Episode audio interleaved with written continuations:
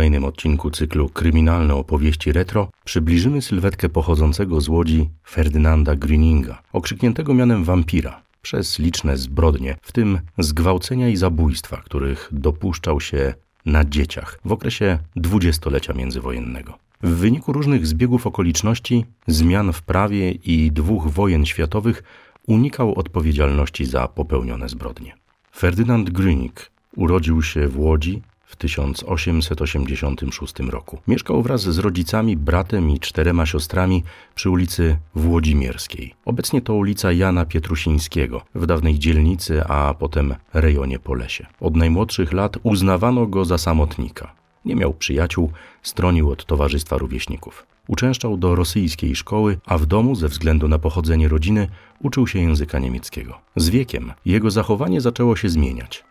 Pojawiły się napady złości. Niekiedy młody Ferdynand bywał nieobliczalny i wręcz niebezpieczny. Te problemy zaczęły narastać w trakcie odbywania służby wojskowej w armii rosyjskiej, z której wydalono go po dziewięciu miesiącach, prawdopodobnie w związku z jego nadpobudliwością i skłonnościami seksualnymi. Od tamtej pory Grynik nie schodził już ze złej drogi. W roku 1914 postawiono go przed sądem za zgwałcenie pięcioletniej Władysławy Jezierskiej. Trafił do więzienia, które jednak opuścił w związku z wybuchem I wojny światowej. Później skazano go na rok pozbawienia wolności za kradzież. Funkcjonariusze służby więziennej mogli uznać go za wzorowego osadzonego. Ferdynand nie podjął żadnej pracy, za to stał się jeszcze bardziej nerwowy.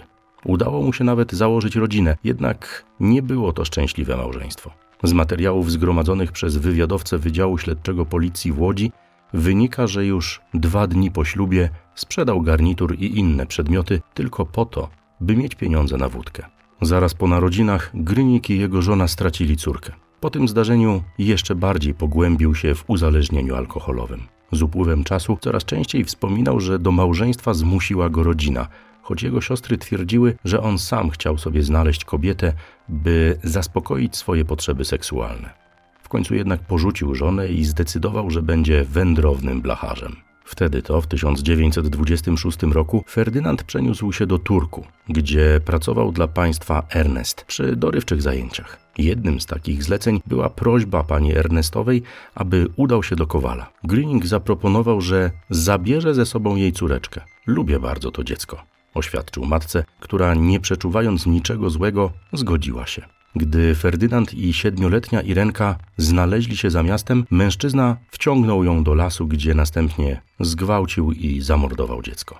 Po dokonaniu zbrodni opuścił Turek i wrócił do Łodzi, a 2 sierpnia wpadł w ręce śledczych. W efekcie przeprowadzonego śledztwa udowodniono mu zbrodnię i z wyrokiem dożywotniego pozbawienia wolności osadzono go w zakładzie karnym w Rawiczu.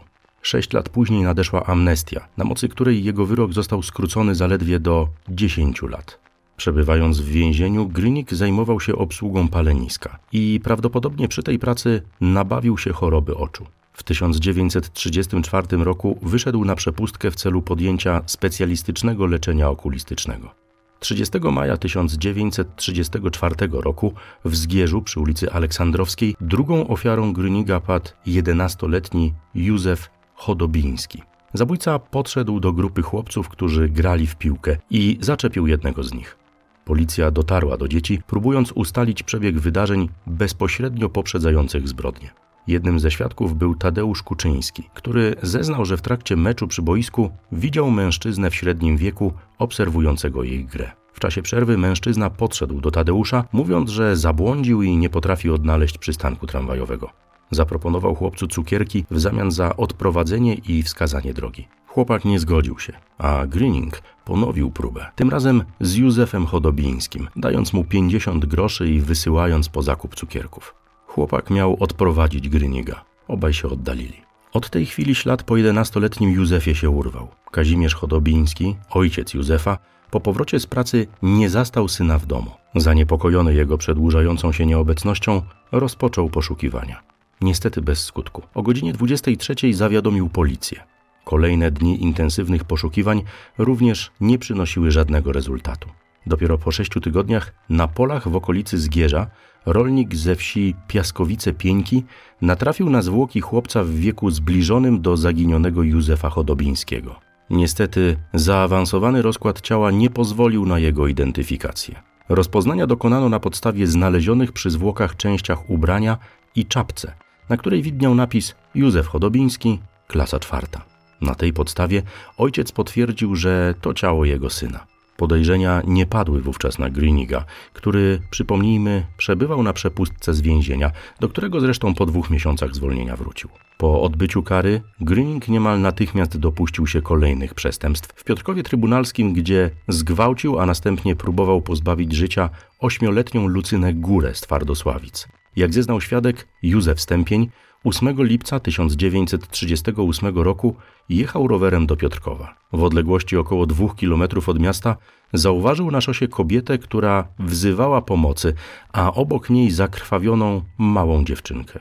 Dziecko było sine, całe ubrania miało we krwi. Stępień zabrał ją do pobliskiej chaty i powiadomił policję. Na pytanie, co się stało, dziewczynka odpowiedziała, że poraniła się spadając z roweru podczas jazdy z wujkiem.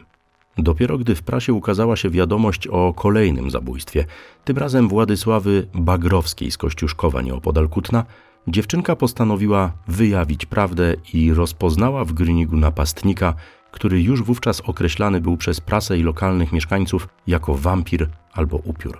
17 października 1938 roku Grynik zwrócił się do sołtysa wspomnianej wioski Kościuszkowo nieopodal Kutna z prośbą o nocleg. Sołtys skierował go do jednego z mieszkańców miejscowości, Bębnisty.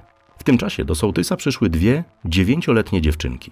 Morderca rozpoczął z nimi rozmowę i zasugerował, że może w ich domach naprawić garnki. Jedna z dziewczynek postanowiła zaprowadzić go do siebie. Około godziny 19 Grynik odwiedził wskazanego mu przez sołtysa bębniste, aby zostać u niego na noc. Umył się, a gospodarz zauważył, że blacharz był zakrwawiony, co jednak o dziwo nie wzbudziło u niego podejrzeń. Uznał, że być może ten skaleczył się w trakcie pracy. Tymczasem ojciec Władysławy, Szczepan Bagrowski, długo oczekując w domu na powrót córki, wyruszył na jej poszukiwania. Około godziny 22 trafił z sołtysem do Bębnisty. Mężczyzna po spotkaniu śpiącego w stodole Grüninga zapytał go, czy ten wie, gdzie jest jego córka. Na co Ferdynand ze złością odpowiedział: Nie jestem stróżem cudzych dzieci. Po zabraniu blacharza ze stodoły do mieszkania, ten wyjął nożyce i otarł je z krwi. Przybyły na miejsce policjant zauważył również ślady na ubraniu przestępcy. Greening, zapytany przez posterunkowego, co zrobił z młodą Bagrowską, nic nie odpowiedział. Funkcjonariusz podjął decyzję o jego aresztowaniu. Po doprowadzeniu wampira na lokalny posterunek, ten przyznał się do zabójstwa, a potem wskazał miejsce, gdzie w polu zakopał zwłoki dziewczynki. Widać było, że robił to w pośpiechu i nie zadbał o dokładne ukrycie ciała. Z ziemi wystawała ręka dziecka, a tuż obok zakopane było ubranie. W czasie rewizji w stodole, w której nocował Grynik, znaleziono wycięte nożycami blacharskimi fragmenty ciała dziewczynki. Ferdynand zakomunikował śledczym, że od kilku lat opanowany jest przez żądzę mordowania. Śledczy powiązali popełnioną przez niego zbrodnię z zabójstwem, do którego doszło pięć lat wcześniej, oraz z usiłowaniem zabójstwa, stawiając go przed sądem. Rozprawę z 27 lutego 1939 roku, która odbyła się w Łodzi, obszernie relacjonowano w prasie. Oskarżony zajął miejsce na ławie z opuszczoną głową i w tej pozycji trwał przez całe posiedzenie, utrzymując wzrok tempo wbity w ziemię. W żaden sposób nie reagował na zeznania świadków. Jak można przeczytać w stenogramie z rozprawy, Grüning zachowywał się w sposób co najmniej dziwny. Na wstępie przewodniczący składu sędziowskiego chciał zweryfikować dane osobowe oskarżonego. Odpowiedzi Greeninga robiły wrażenie, jakby chciał on symulować chorobę psychiczną. Przewodniczący. Imię oskarżonego. Oskarżony. Nie wiem. Przewodniczący. Może Ferdynand. Oskarżony. Nie wiem. Może jest Ferdynand. Kiedy się oskarżony urodził? Nie wiem. Mam chyba 50 lat. Czy oskarżony był karany za kradzież w Uniejowie? Za gwałt i morderstwo w Kaliszu? Nie byłem karany. Obecnie siedzę w więzieniu. A czy oskarżony wie, że obecnie jest oskarżony o zabicie dwojga dzieci? Nie wiem. Mówią, że zabiłem. Jak zabiłem, niech tak będzie, że zabiłem. Na dalsze pytania Grynik miał tylko jedną, powtarzaną niczym mantrę odpowiedź. Nie wiem. Warto zaznaczyć, że przed procesem Gryninga badano pod kątem poczytalności w szpitalu tworkowskim oraz w szpitalu psychiatrycznym w łódzkiej Kochanówce. Podczas tych badań Ferdynand przyznawał się do winy i bardzo dokładnie opisywał swoje zbrodnie. Lekarze uznali, że jest zdrowy i nie zgłosili przeciwwskazań natury medycznej do postawienia go przed sądem. Odczytanie aktu oskarżenia i składanie zeznań przez Greeninga ze względu na ich drastyczność na wniosek prokuratora Maciejewskiego odbyło się przy zamkniętych drzwiach.